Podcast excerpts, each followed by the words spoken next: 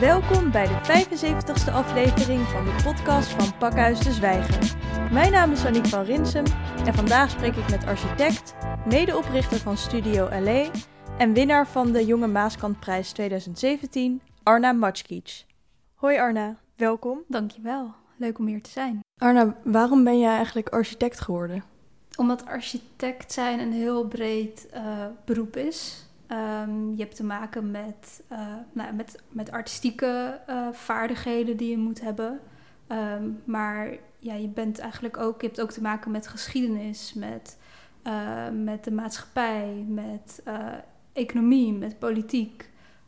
en die breedheid ja, interesseert me heel erg, omdat ik heel erg geïnteresseerd ben in sociaal-maatschappelijke vraagstukken, stedelijke vraagstukken. Um, en als je, die, ja, als je die wilt onderzoeken, moet je dat vanuit verschillende kanten kunnen doen. En ik vind architectuur heel mooi, omdat het een, ja, het is een uitingsvorm um, waarbij de verbeelding en het tekenen en het uh, ja, laten zien van dat iets anders kan zijn, vind ik heel mooi. Samen met Lorien Beijaard richtte je studio LA op. Jullie hebben als doel de architectuurpraktijk in te zetten om maatschappelijke kwesties en verhalen te onderzoeken en die in een nieuw perspectief te plaatsen.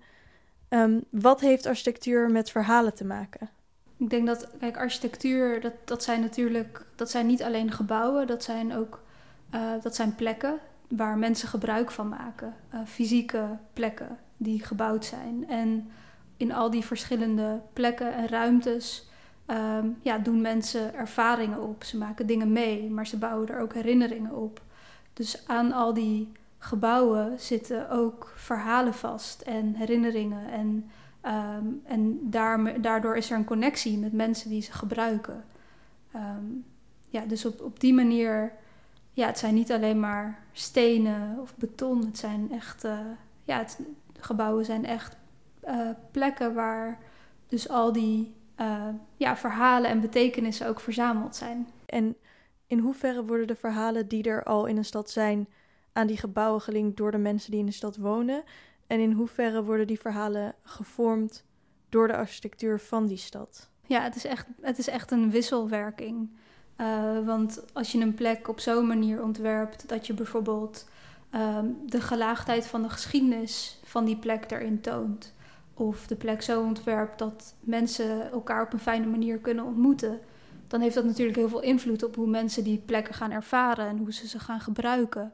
Uh, en dus ook wat voor uh, ja, herinneringen en ervaringen uh, ze daarop doen. Misschien mede door je familiegeschiedenis heb jij als architect een sensitiviteit voor de manieren waarop uitsluiting werken in de openbare ruimte. Zou je misschien allereerst iets over je familiegeschiedenis kunnen vertellen? Ja, ik ben dus uh, geboren in uh, Bosnië-Herzegovina. Um, in een stadje wat eigenlijk tijdens de laatste oorlog, uh, dus die was begin jaren negentig, um, ja, waar de publieke ruimte en architectuur ook heel erg werd gebruikt om mensen van elkaar te scheiden. Dus verschillende bevolkingsgroepen, mensen met een eigenlijk verschillende religies, maar die daarvoor wel gewoon gezamenlijk leefden. Um, eigenlijk met opzet uit elkaar werden gehouden.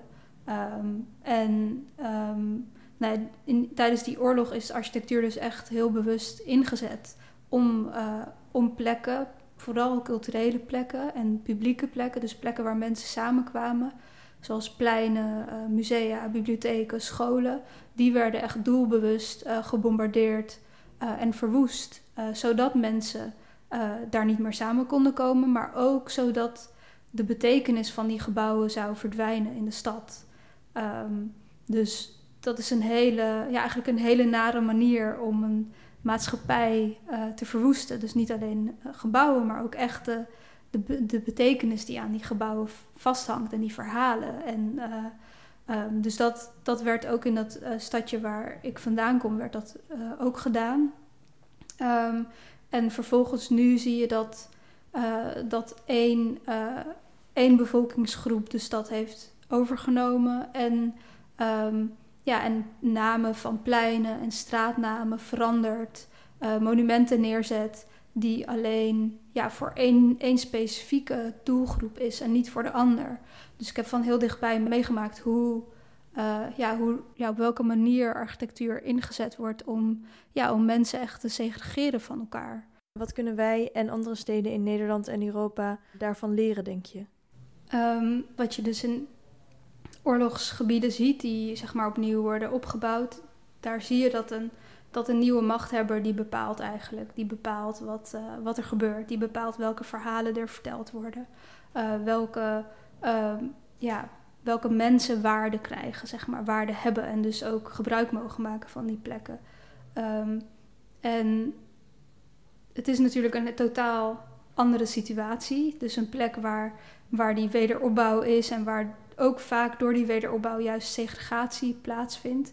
Dat, dat is natuurlijk iets heel anders dan wat er in westerse steden gebeurt. Um, maar de, de in- en uitsluitingsmechanismen zijn eigenlijk hetzelfde. Um, dus in die zin denk ik dat, dat we van die in- en uitsluitingsmechanismen veel kunnen leren.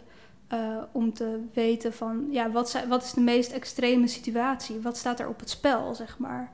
Um, als je ziet, zoals waar, nou, waar ik vandaan kom, um, waardoor door als gevolg van de oorlog publieke plekken totaal niet publiek zijn, maar eigenlijk alleen maar voor één bevolkingsgroep toegankelijk zijn, um, dan, dan merk je wat er op het spel staat. Als je dat bekijkt, dan zie je wat voor samenleving dat oplevert.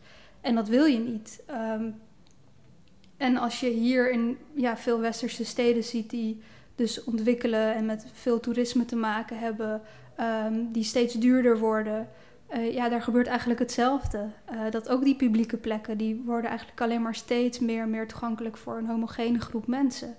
Um, dus in, in die zin, maar misschien omdat we niet helemaal beseffen wat, dat, wat staat er dan op het spel als dat zo transformeert. En als je terugkijkt naar die verwoeste steden, waar dat al is gebeurd, dan besef je misschien ja, wat er op het spel staat. Kan architectuur ook neutraal zijn? Ik denk dat neutraliteit bestaat niet. Dus er, er is altijd een keuze, maar je kan ook kiezen voor, um, ja, om plekken te ontwerpen die zoveel mogelijk mensen aanspreken.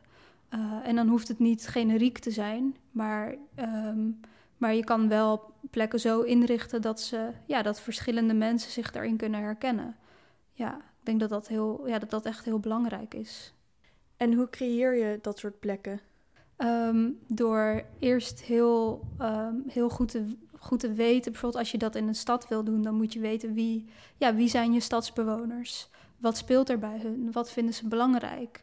Um, welke type plekken zijn, is, ja, waar is behoefte aan, zeg maar? Welk, wat voor type plekken? En uh, op het moment dat we die plekken dan gaan ontwerpen, hoe kunnen we dan door middel van ja, de ruimte die we maken, maar ook door middel van de taal die wordt gebruikt, de straatnamen die worden gegeven of hoe bepaalde plekken uh, of locaties worden genoemd. Um, ja, hoe kunnen die uh, dan passen bij, uh, bij, bij die maatschappij die er is en bij de behoeftes die er zijn. Um, en ik denk dat daar vroeger eigenlijk niet zoveel over na is gedacht. en dat, dat, nu, dat je dat nu steeds meer ziet. Bijvoorbeeld hier vlakbij is een uh, is, is, een plein en dat heet dan het VOC-plein. Um, nou, dat is natuurlijk heel la lang geleden zo bedacht. En ik denk dat dat nu niet zo snel bedacht zou worden, omdat, het, uh, omdat verschillende groepen mensen, verschillende, ja, um, ja op zich op een verschillende manier identificeren met zo'n titel. Um, dus dan zou je het anders aanpakken. Dan zou je het liefst een naam willen verzinnen die, ja, die waarin, bij, ja, waarin die verschillende groepen zich kunnen vinden. Studio LA onderzoekt maatschappelijke kwesties ook niet alleen via architectuur en ontwerp, maar ook door schrijven, lesgeven, openbaar spreken en kunstinstallaties. Op welke manier dragen die andere vormen bij aan de doelen die jullie willen behalen? Nou, kijk, met schrijven is het heel fijn dat door middel van dingen tekst op papier te zetten, dat je een standpunt inneemt, zeg maar. Het staat op papier en, um, en dat is wat je op dat moment denkt en wil neerzetten. Dus het is heel fijn om door middel van tekst je gedachten te testen. Um, en die lezingen zijn heel belangrijk om vervolgens die gedachten te delen met anderen, waardoor je weer in gesprek kan gaan erover en ook weer je gedachten kan herzien. En, uh, En dan ga je vervolgens weer dingen anders opschrijven, zeg maar. Dus het is een constante uh, wisselwerking. En kunstinstallaties, dat is weer heel belangrijk, omdat je op een hele makkelijke en ook een tijdelijke en vrij goedkope manier kan testen hoe ruimte werkt.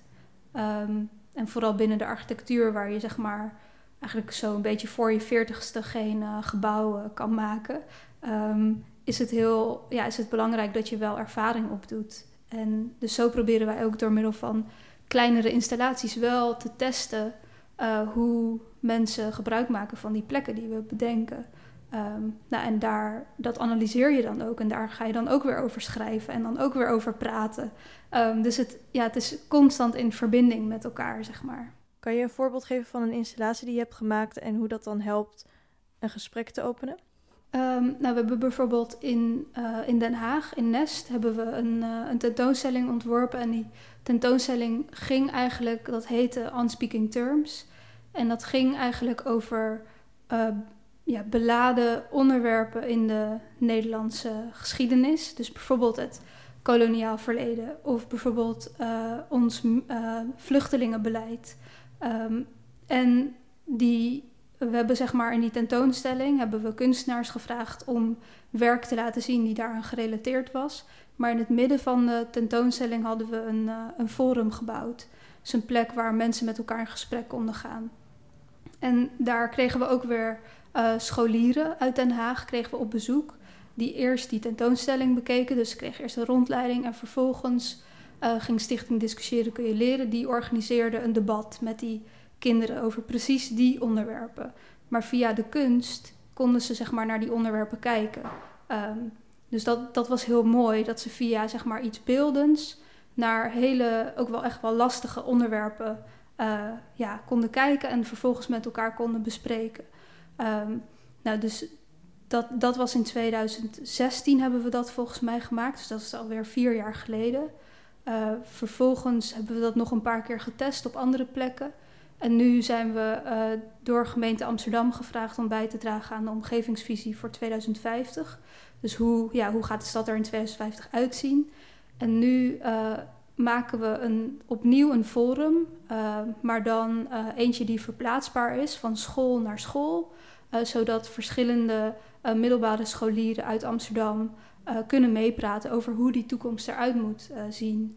Um, dus die, zeg maar, die kleine kunstinstallatie um, heeft, ja, heeft geleid tot, een, uh, tot iets wat nu in Amsterdam door al die verschillende scholen heen gaat, maar dan vier jaar later, zeg maar. En ondertussen hebben we er ook over geschreven en nog een paar keer getest en onderzocht. Um, dus zo, ja, zo ontwikkelt het zich, zeg maar. Ja, en dat forum dat nu door die scholen gaat reizen, dat is dan een plek waar leerlingen kunnen discussiëren over de omgevingsvisie van Amsterdam? Ja, ja. Echt specifiek? Ja. Oh, dat is wel Ja. echt heel leuk. Ja. En hun eigen ideeën kunnen, worden dan ook weer... eh, Worden weer meegenomen, ja, in die visie, in die omgevingsvisie. Ja. Denk je dat er... ehm, want er is nu ook bijvoorbeeld een kinderburgemeester in Amsterdam. Denk je dat er meer eh, ruimte is voor kinderen in deze tijd... om hun eh, stem te laten horen? Als je ook bijvoorbeeld kijkt naar de klimaatprotesten of Ja, zo. ik denk het wel. Ik denk dat er nu wel een generatie kinderen en jongeren is die veel meer bewust is van, eh, ja, van bijvoorbeeld het klimaat of, eh, ja, en hun zeggenschap in het algemeen. Dus veel bewuster zijn van dat ze een stem hebben en, daar, eh, ja, en, en die stem ook kunnen laten horen. Dus dat is eigenlijk echt een hele mooie ontwikkeling. Ja. en dat dus ook welke verhalen je vertelt impact hebben op, op de wereld. Precies, ja. Ehm, want je vraagt je volgens mij wel eens af, als je lezingen geeft, ehm, of die ook echt verandering teweeg brengen. Of dat ze alleen leuk zijn voor mensen om geïnspireerd te raken, maar dat er daarna niet zoveel gebeurt. Ehm, wat denk je dat er voor nodig is om mensen en de maatschappij te veranderen?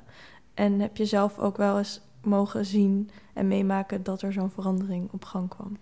Ehm, ja, kijk, ik denk dat ik, ik ben maar een eh, architect, hè.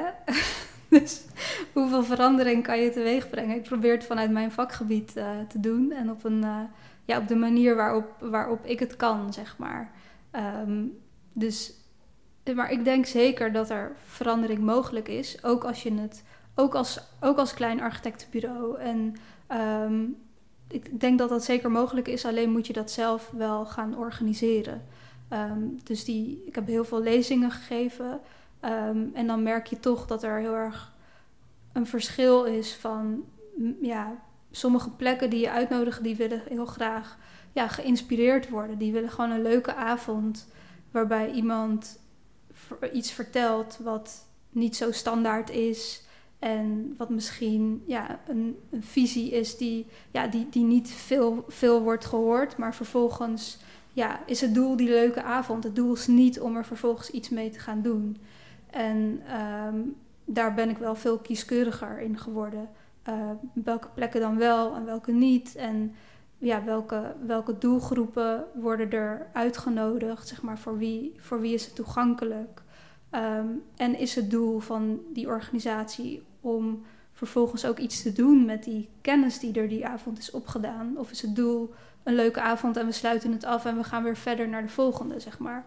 Hoe word je daar bekwaam in om te kunnen inschatten of mensen of een organisatie ook echt iets willen doen met de kennis die je overdraagt? Ja, dan moet je goed, goed inschatten en ook zelf ehm, ja, je, je verhaal erop aanpassen, denk ik. Dus bijvoorbeeld, ik werd een keer uitgenodigd bij de Bali om, ehm, om samen met uh, ja, iemand die, die de Tweede Wereld, eigenlijk de, de stiefzus van Anne Frank, uh, heel bijzonder, die, die gaf een uh, lezing. Um, en ik werd daarna uitgenodigd om, om, om in gesprek te gaan, zeg maar. Dus ik had heel korte tijd, ik was echt maar tien minuten op het podium. En zij had een heel bijzonder verhaal verteld, wat ook ging over uitsluiting en onrechtvaardigheid en oorlogsverleden. Um, en iedereen in de zaal was helemaal verwonderd, maar er zaten, zaten ook politici in de zaal, omdat zij ja, dus ook wel echt een ja, hele belangrijke boodschap had. En dat had de Bali ook geregeld, dat die politici er waren. Dus toen ik, ik op het podium was, toen dacht ik van nou, dit is mijn kans om, om iets te vertellen wat ik heel belangrijk vind. Dus toen heb ik ook verteld over de, de en de tralies die daar nog steeds uh, op bevestigd waren, terwijl statushouders er woonden en honderd kinderen onder andere woonden. En die tralies werden maar niet weggehaald, ondanks dat wij heel veel pogingen hebben gedaan om, dat, om het wel te laten verwijderen. Um, en na die lezing werd ik aangesproken door een, door een politicus die, die eigenlijk die zei van zullen we kijken of er schriftelijke kamervragen gesteld kunnen worden over deze kwestie. Um, stuur me een mail met alle informatie en dan ga ik daarvoor zorgen. Nou, twee weken later zijn er zeven schriftelijke kamervragen gesteld. Um, dus ja, het is dus een combinatie van ja, op de juiste plek zijn, op het juiste moment, uh, dat kunnen inschatten, maar vervolgens ook die tijd gebruiken om ja, niet om je standaard verhaal of lezing te vertellen, maar ook om te kijken, ja, hoe kan ik dan nu op deze plek impact hebben, zeg maar. Te kunnen inspelen op het moment eh, waar je bent. Ja, precies. En het verhaal wat er gevoerd wordt. Ja. Um, want kan je nog even vertellen over hoe dat zat met die tralies en uh, waarom het zo moeilijk werd gemaakt om die tralies weg te halen van eigenlijk dus woonhuizen van mensen? Um, ja, um, het is een heel, hele ingewikkelde kwestie eigenlijk, want die uh, de Belmer werd echt in een maand tijd omgevormd van een gevangenis tot een asielzoekerscentrum. En die gebouwen waren zeg maar eigendom van het Rijksvastgoedbedrijf. En ze werden verhuurd aan het Centraal Orgaan Opvang Asielzoekers, het COA. Um, dus die waren de gebruikers, de huurders van het gebouw, wat eigenlijk eigenaar was, waarvan de overheid de eigenaar was. Um, en in, ja, bij dat, in dat gebouw werd vervolgens werden een paar kleine aanpassingen gedaan om het leefbaarder te maken, um, maar niet voldoende. Dus de tralies uh, lieten ze er gewoon op zitten.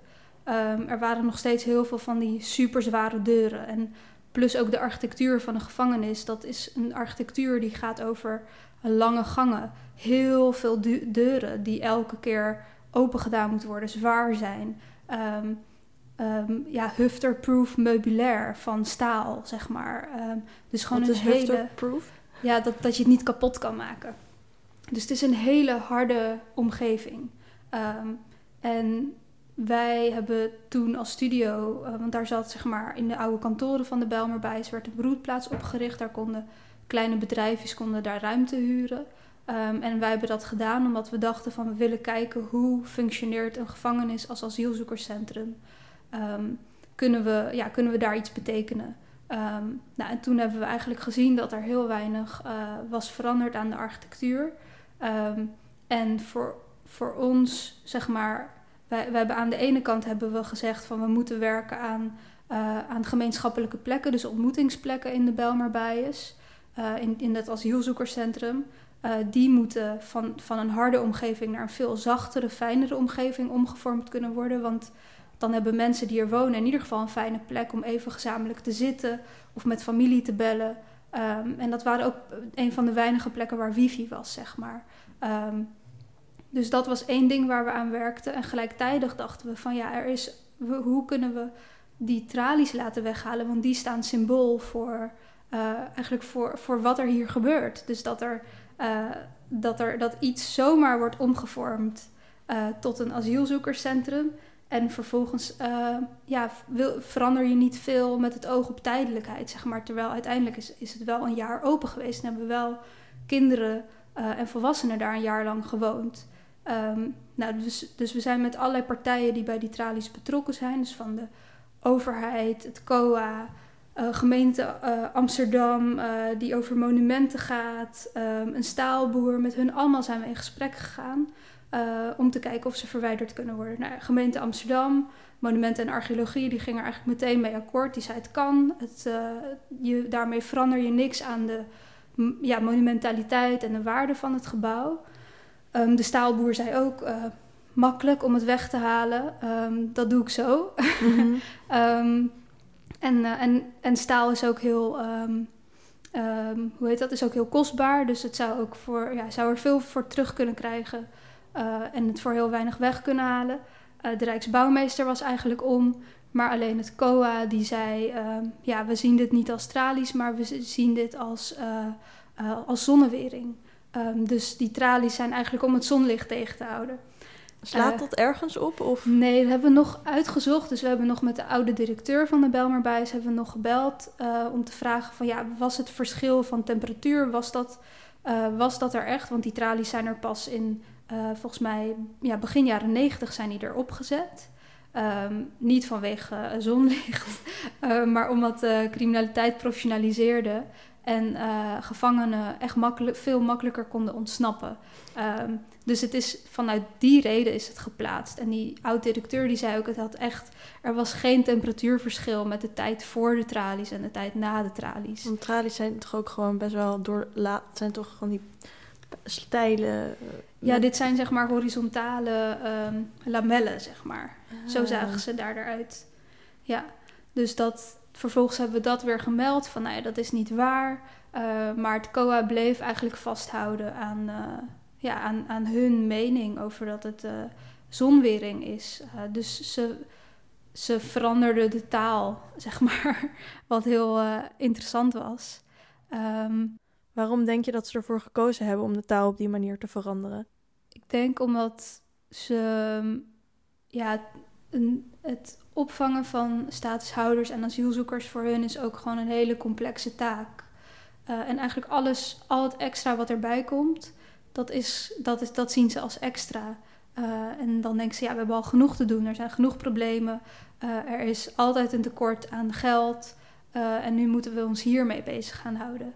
Um, Terwijl in dit geval het eigenlijk al praktisch geregeld was en het waarschijnlijk ook niet eens geld had gekost. Precies, ja, voor hun niet. Maar het is ook misschien een imago-kwestie dat ze dachten van ja, als we het nu weghalen, dan betekent het dat we hiervoor mensen er wel gewoon in, uh, in, in het AZC lieten leven uh, met de tralies. Um, dus misschien ja, was het ook zoiets. Um, ja, ik weet het niet. Ja. We hebben het al eerder gehad over verandering teweeg brengen. En ik vroeg me af hoe zichtbaar het thema inclusie al is binnen het vakgebied architectuur. Ja, het is, het is vrij zichtbaar. Um, maar ik denk net als in andere vakgebieden dat het woord gewoon heel veel wordt gebruikt. Maar dat de betekenis ervan niet zo serieus wordt genomen. Um, dus binnen de architectuur wordt wel echt veel gesproken over inclusieve wijken. Uh, ook over natuurinclusief uh, bouwen. Ehm, maar de, de echte betekenis ervan, van uh, zeg maar uh, plekken maken die toegankelijk zijn voor uh, zoveel mogelijk verschillende mensen, um, dat, dat wordt niet echt serieus genomen. Plus het hele proces van aan architectuur werken, dus van een opdrachtgever die met een divers team werkt, tot aan de architect, het architectenbureau wat met een divers team werkt waar verschillende perspectieven aanwezig zijn, zodat je, die, zodat je kan begrijpen wat, uh, ja, wat het betekent om, voor, uh, ja, om, om aan inclusiviteit te werken. Dat is er ook niet, zeg maar. Dus dat hele proces tot een gebouw komen, dat, dat gebeurt eigenlijk al niet op een inclusieve manier. Um, ja, en hoe kan je dan tot plekken, hoe kan je dan plekken ontwerpen die dat wel zijn, zeg maar? Want wat is er nog voor nodig om een inclusieve architectuur wel tot een realiteit te maken? Ja, kijk, ik denk dat het al begint bij het, begint bij het onderwijs. Uh, waar je eigenlijk opgeleid zou moeten worden op zo'n manier dat um, je uh, bewust bent van uh, dat je voor mensen ontwerpt. En dat die mensen bestaan uit een ja, divers, uh, divers palet aan mensen met allemaal eigen perspectieven, eigen ervaringen, eigen geschiedenissen. Um, en dat, je, dat, dat zou je uitgangspunt moeten zijn, dat je daarvoor ontwerpt. En vervolgens moet je dat testen in het onderwijs um, door opdrachten te krijgen die gaan over verschillende type wijken, zeg maar. Dus niet alleen maar uh, maak een masterplan voor uh, de stad Utrecht, bij wijze van, of of ontwerp een, een super nieuwe wijk, uh, zoals het, het. Um, maar dat het ook gaat over uh, ja, opdrachten die gaan over... hier is een bestaan, hier woont een bestaande gemeenschap. Deze wijk moet vernieuwd worden. Hoe moet dat dan vernieuwd worden uh, als je rekening houdt met die bestaande gemeenschap? Kijk, en dat soort opdrachten worden niet zoveel gegeven in het onderwijs. Um, plus de docententeams bestaan vaak uit een heel homogeen gezelschap. Um, vaak dezelfde uh, culturele achtergrond. Um, ja, ook weer vaak dezelfde opleiding gehad. Heel veel mannen ook. Um, dus je, dan studeer je af op zo'n opleiding waar je eigenlijk met de thema's inclusiviteit en diversiteit nog nooit, uh, nog nooit te maken hebt gehad. Dan ga je werken bij een architectenbureau en dan komt er zo'n opdracht binnen. Uh, zoals bijvoorbeeld, we gaan de Bijlmerbijen slopen en daar moet een nieuwe uh, ja, nieuwe wijk komen. Um, ja, dan is het dus van belang dat je kijkt naar um, dat je als architectenbureau bedenkt hoe kunnen wij al die verschillende perspectieven en verhalen die er zijn in de stad, hoe kunnen we die binnen ons bureau vertegenwoordigen? Hoe kunnen we ervoor zorgen dat we ons kunnen inbeelden en kunnen identificeren met verschillende mensen? Want dat, dat zullen onze gebruikers zijn. Uh, dus dan zou je moeten zorgen voor een divers team uh, binnen je bureau. Alleen dan kan je, kan je zeg maar plannen maken voor, uh, ja, voor wijken die inclusief zijn of divers zijn, zeg maar. Um, dus zo, zo zie ik die inclusiviteit veel meer. En dat je vervolgens ook gaat onderzoeken wie, wie zijn dan de toekomstige gebruikers? Wie zijn de huidige gebruikers? Wie hebben er allemaal nu mee te maken? En die moet je zien te spreken. Daar moet je, uh, ja, daar moet je mee in, in dialoog gaan en ontdekken wat zijn de behoeftes, wat zijn de wensen, uh, wat zijn de ervaringen tot nu toe, wat zijn de kwaliteiten van de plek, wat werkt er niet. En vervolgens kijken hoe kunnen we al die bestaande kwaliteiten en die wensen en behoeften, hoe kunnen we die meenemen in het toekomstig plan.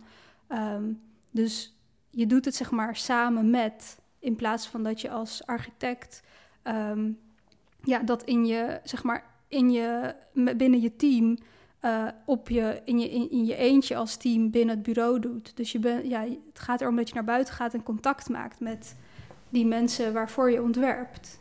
Dat doet me denken aan een, een, gezegd, een Rotterdams gezegde, wat jij ook wel eens hebt aangehaald. Namelijk, wat je voor ons doet, maar niet met ons, is tegen ons. Ja, klopt.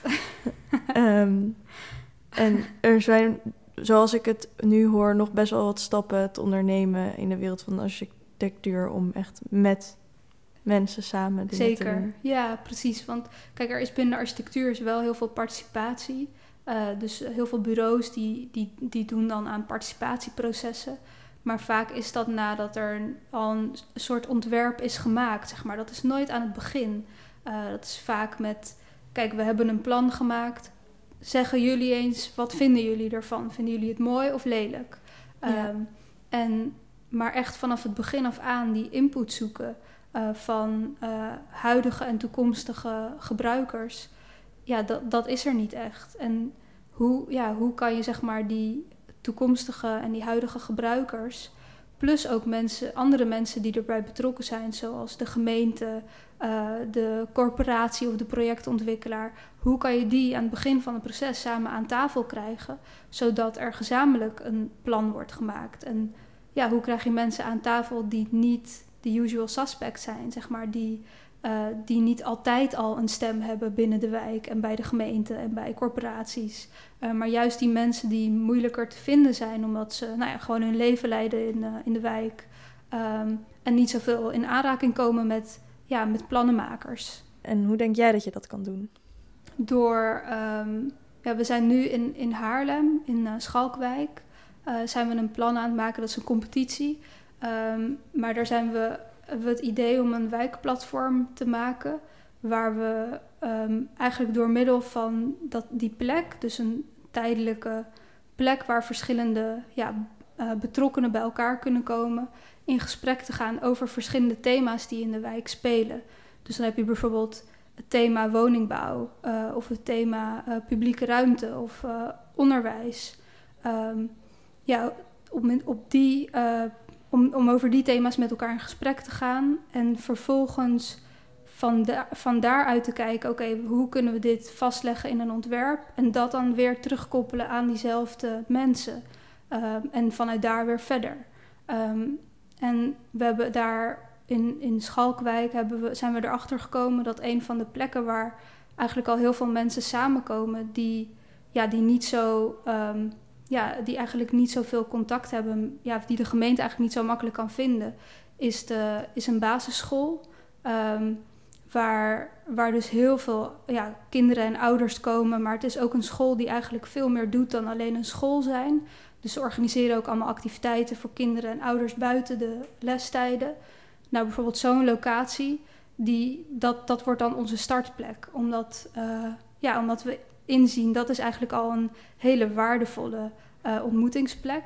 Waar mensen samenkomen die normaal gesproken niet echt een stem hebben binnen corporaties en uh, gemeenten. Daar moeten we starten. Um, dus het, ja, het gaat er heel erg om om die plekken te identificeren die, die dus al waarde hebben, die dus al uh, ja, die, die dus eigenlijk al een ontmoetingsplek zijn. En om vervolgens van daaruit te zoeken naar ja, hoe kunnen we al die andere actoren erbij betrekken. Is er wat jou betreft plek voor politiek in de architectuur? Um, ik denk dat het. Ja, ik denk dat veel architecten niet zo uitgesproken zijn over politiek. Maar ik denk dat het wel zeker een rol speelt. Dat, um, nou ja, een heel simpel voorbeeld is hoe um, sociale woningbouw en hoe daarop uh, bezuinigd is de afgelopen jaren. Uh, hoe steeds moeilijker corporaties het hebben. Um, hoe weinig sociale woningen erbij gebouwd worden. Dat is een politieke keuze. En dat heeft, ja, dat heeft natuurlijk impact op architectuur. Dus het valt niet te negeren, zeg maar, als, als je als architect bezighoudt met de bouw van sociale woningen en het ontwerp ervan, dan uh, heeft, heeft zo'n politieke keuze heeft, uh, enorm impact. En dan moet je daar ook, daar moet je daar ook iets mee. Je schreef het boek Mortal Cities and Forgotten Monuments. Kan je vertellen waar dat boek over gaat? Ja, dat, dat boek gaat over, um, gaat over. Ten eerste, het gaat over monumenten in voormalig Joegoslavië. die in zijn gezet om de Tweede Wereldoorlog uh, te herdenken. En om uh, ja, zeg maar het antifascisme uh, te herdenken en levend te houden. Um, en aan de andere kant gaat het over verwoeste steden in Bosnië-Herzegovina en de manier waarop die opgebouwd worden, maar ook de manier waarop ze verwoest zijn. Dus eigenlijk gaat het over de rol die architectuur speelde in ja, verschillende kantelpunten in de geschiedenis en in de manier waarop architectuur een rol speelt in het maken van um, ja, van publieke ruimte waarmee mensen zich kunnen identificeren. Ehm, dus die, zeg maar, die monumenten die na de Tweede Wereldoorlog zijn gebouwd, dat is ook precies het moment dat het land Joegoslavië begon uh, te bestaan. Um, en eigenlijk moest zeg maar, het land Joegoslavië moest op verschillende manieren. Er moest een soort nieuwe. Ja, er moest, een, er moest natuurlijk een geschiedenis en een taal moest bedacht worden. die bij al die verschillende bevolkingsgroepen zou passen. Um, dus daarvoor werden de kunst heel erg ingezet. Dus film en uh, architectuur en uh, beeldende kunst en theater en poëzie. Die werden allemaal ingezet om een bepaald gemeenschappelijk verhaal te vertellen. Van we zijn niet meer uh, verschillende bevolkingsgroepen, maar we bestaan nu uit één volk en we wonen in het land Joegoslavië. Um, en die monumenten, die dus ja, antifascistische strijders herdachten, die uh, moesten ook gebouwd worden in, eigenlijk in die, binnen die context. Um, maar, um, maar omdat dus het land zoveel verschillende ja, religies en identiteiten heeft, moest er ook gekeken worden naar wat voor taal gebruiken we dan? Wat voor beeldende taal gebruiken we voor die monumenten waar al die verschillende groepen zich mee kunnen identificeren? Dus er mocht geen, uh, ja, mochten geen symbolen van politiek of politieke leiders of uh, religie mochten niet in die monumenten te zien zijn. Dus er moest echt een nieuwe beeldtaal komen voor die monumenten. En dat werden een soort ja, futuristische, uh, ja, hele indrukwekkende monumenten, bouwwerken, um, die door heel het land zijn neergezet. En daar gingen mensen heen om te herdenken, maar ook gewoon om een rondje te wandelen of om te recreëren, zeg maar. Um, dus ja, wat, ik probeerde daarvan te leren. Om te kijken hoe, ja, hoe is dat toen in die tijd gedaan. Als je denkt aan ja, hoe ontwerp je een, een monument. Dus iets wat een verhaal vertelt, maar wat wel al die verschillende groepen aanspreekt. Um, en het tweede deel van het boek, dat gaat echt over ja, hoe architectuur, architectuur doelbewust is ingezet om publieke plekken die dus een gezamenlijk verhaal vertellen om hoe, ja, hoe die te verwoesten. Uh, om vervolgens na de oorlog een nieuw verhaal te vertellen en op te leggen middels architectuur, die niet meer voor al die verschillende mensen is, maar voor specifieke bevolkingsgroepen. Um, waar dus ook, ja, waardoor uitsluiting plaatsvindt. Um, en vervolgens aan het einde van, de van het boek doe ik een ontwerpvoorstel voor een publieke plek. Um, die wel gezamenlijk is voor verschillende uh, bevolkingsgroepen, maar dan uh, ja, probeer ik bij het ontwerp ervan lessen te trekken uit hoe die monumenten na de Tweede Wereldoorlog zijn uh, ontworpen en gebouwd. En je onderzoekt ook actieve monumenten. Kan je uitleggen wat dat zijn? Ja, dat zijn monumenten die niet. Uh, dat zijn niet plekken waar je heen gaat om even naar te kijken of om even stil te staan, maar ook echt om een gezamenlijke activiteit uh, te doen. Um, dus het voorstel wat ik heb gedaan voor uh, uh, voor, voor een monument of voor een publieke plek is in Mostar. Dus dat is een stad in Bosnië-Herzegovina die eigenlijk verdeeld is in twee delen. In één deel wonen mensen met een katholieke Kroatische achtergrond en het andere deel met een islamitische achtergrond. Um, en er is een enorme segregatie, dus er zijn aparte scholen, ja, een aparte brandweerploeg, aparte voetbalclub, zeg maar alles het hele ja, sociale leven is gescheiden. Um, en daar midden in die stad heb ik een plek gemaakt waar, uh, waar die twee groepen bij elkaar kunnen komen. En daarbij hebben we gekeken naar ja, wat zijn nou uh, rituelen die bij die stad horen, die die verschillende groepen aanspreken. Uh, en die niet gaan over religie, die niet gaan over, uh, over achtergrond, maar die echt gaan over um, ja, het horen bij die stad. En dat, dat is het duiken vanaf van de Oude Brug. Want in, in, in de stad staat een hele mooie oude brug die in, in 1566 is gebouwd. En waar eigenlijk sinds de bouw ervan duikers van afduiken om hun mannelijkheid te bewijzen en ja, vrouwen te imponeren. Um, nou, nu wordt er elk jaar een duikwedstrijd gehouden en er wordt altijd veel geoefend en uh, vrouwen duiken ook. Dus het is een veel, uh, ja, het is echt een, een gemeenschappelijke, ja, gemeenschappelijk ritueel, zeg maar, dat door al die groepen wordt gedaan. Um, En ik heb een publieke plek ontworpen, wat eigenlijk een soort monument is voor in zeg maar. ehm, ja, om dat duiken eh, weer eh, heel zichtbaar te maken. Eh, dus het is een monument waar je, eh, waar je op verschillende hoogtes vanaf kan duiken, zodat je kan oefenen voor de duik vanaf de oude brug, zeg maar. Ehm, en het is, omdat het, omdat het uit verschillende tredes bestaat, is het ook voor verschillende leeftijden toegankelijk. En ja, het heeft gewoon verschillende moeilijkheidsgraden, zeg maar. Ehm, dus dat, en dat noem ik dan een actieve monument. Eigenlijk een plek waar je eh, samen een, in dit geval een lichamelijke activiteit kan ondergaan. En naar elkaar kan kijken en samen kan oefenen eh, en elkaar kan helpen. Mooi. Ehm, je ziet Amsterdam ook als een gesegregeerde stad. Ja. Kan je uitleggen waarom? Ehm, ja, ik zie Amsterdam wel als, als een gesegregeerde stad, maar dan in de zin van inkomens. Dus het wordt steeds meer toegankelijk voor mensen met een hoog inkomen. En voor mensen met een lager inkomen is het steeds minder eh, toegankelijk. Ehm, veel wijken in Amsterdam worden, eh, ja, worden opnieuw ontwikkeld. Er wordt gekeken naar hoe kunnen we bepaalde wijken veranderen. Ehm, hoe kunnen we ze verbeteren. Maar dat wordt dan vaak ook gedaan voor een groep met een hoger inkomen. Ehm, en waarbij de huidige bewoners vaak moeten wijken voor die toekomstige eh, bewoners die wat meer te besteden hebben. Eh, dus in die zin vind ik het wel, ja, vind ik het een stad die niet, ehm, ja, die, die niet eh, echt welkom heet aan iedereen. Is een stad zonder segregatie mogelijk? Ik denk dat het eigenlijk dat het probleem van uitsluiting ligt gewoon altijd op de loer, zeg maar. Dus is een actief proces. ja, precies, ja. ja. Dus ik denk, niet, ik denk niet dat er een stad is waar het niet speelt, of helemaal niet speelt of zo. Dat denk, denk niet dat dat, dat dat bestaat.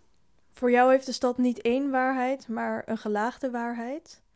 Hoe moeten we dat voor ons zien? Ehm, nou, kan, misschien kan ik wel weer naar de Bijlmerbijes refereren als plek.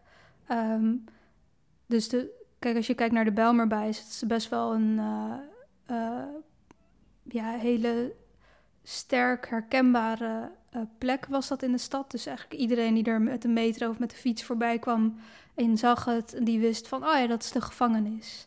Ehm, nou, dan wordt er op een gegeven moment een besluit genomen van hier moet een nieuwe woonwijk komen. We gaan de Bijlmerbijes helemaal slopen. Ehm, en dan gaan we iets nieuws ontwerpen. Ehm, en als je het dan hebt over die gelaagdheid van de geschiedenis, dan zou je ook kunnen kijken naar hoe kunnen we delen van de Bijlmerbijes laten staan en zo transformeren eh, dat het alsnog een woonwijk kan worden. Ehm, of hoe zou je kunnen kijken naar wat zijn nou echt de elementen, de herkenbare elementen van de Bijlmerbijes en hoe kan je die terugbrengen in, de, in die nieuwe architectuur. Ehm, dus dat, dat is een manier bijvoorbeeld. Maar een andere manier is ja, op het moment dat eh, Amsterdam besluit uh, dat, dat Amsterdam-Noord uh, een nieuwe ja, woonwijk moet worden, waar heel veel bijgebouwd moet worden, waar, heel veel, ja, waar echt heel veel gewoond moet worden. Um, dan kan je kijken naar ja, wat voor, um, ja, wat voor architectuur is hier, wat zijn de kwaliteiten ervan, wat is de sociale structuur van de, van, uh, van de wijk, hoe gebruiken mensen de, de wijk en hoe kan je daarop voortbouwen, zeg maar. Dat is ook een manier van gelaagdheid. Dus je voegt een nieuwe laag toe. Dus er kunnen wel nieuwe woningen komen. Uh, maar dat hoef je niet te doen door de huidige architectuur en de huidige bewoners uit te wissen.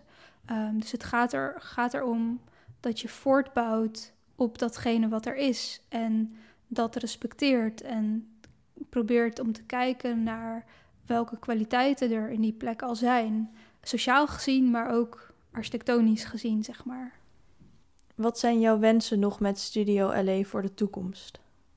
Ik zou heel graag willen dat we um, wat meer publieke plekken mogen ontwerpen. Um, we hebben nu bijvoorbeeld wel dat we in Groningen al bezig zijn om ontmoetingsplekken in een park te maken. Nou, dat is bijvoorbeeld een hele mooie opdracht. Um, ja, ik zou me heel graag willen bezighouden met sociale woningbouw. ja, en met publieke ontmoetingsplekken. Um, ja, ik denk dat, dat is wel echt een, uh, een ambitie. Ja. En wat zou je willen doen voor de sociale woningbouw? Woningbouw ontwerpen wat uitgaat van uh, ja, dat er veel meer collectiviteit is. Veel meer rekening wordt gehouden met ja, welke mensen erin komen wonen, wat de gemeenschap is.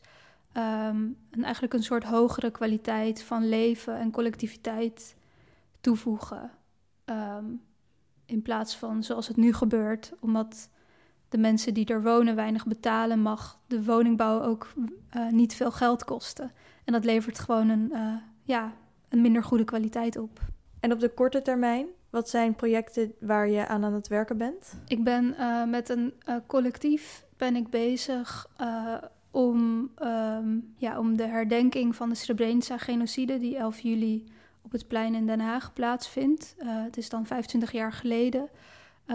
Ben ik bezig met een campagne om die herdenking uh, ja, veel beter onder de aandacht te brengen bij de Nederlandse bevolking. En daarbij zijn we ook bezig met een tijdelijk monument op het plein in Den Haag. dus dat is echt iets op de korte termijn. Kun je wel iets vertellen over dat monument? nee, kan ik niet doen. Oké, okay, nou dan wachten we dat nog even af. Heel veel dank Arna Matschkic. Ja, jij ook bedankt. Beste luisteraars, dit was de 75ste aflevering van de podcastserie van Pakhuis de Zwijger. Wil je meer weten over dit onderwerp? Kijk dan op vrijdag 29 mei naar de livecast Door de Ogen van Arna. Een rating achterlaten of je abonneren op deze podcast kan via SoundCloud, Spotify, iTunes of een ander podcastplatform. Dank voor het luisteren en tot de volgende keer.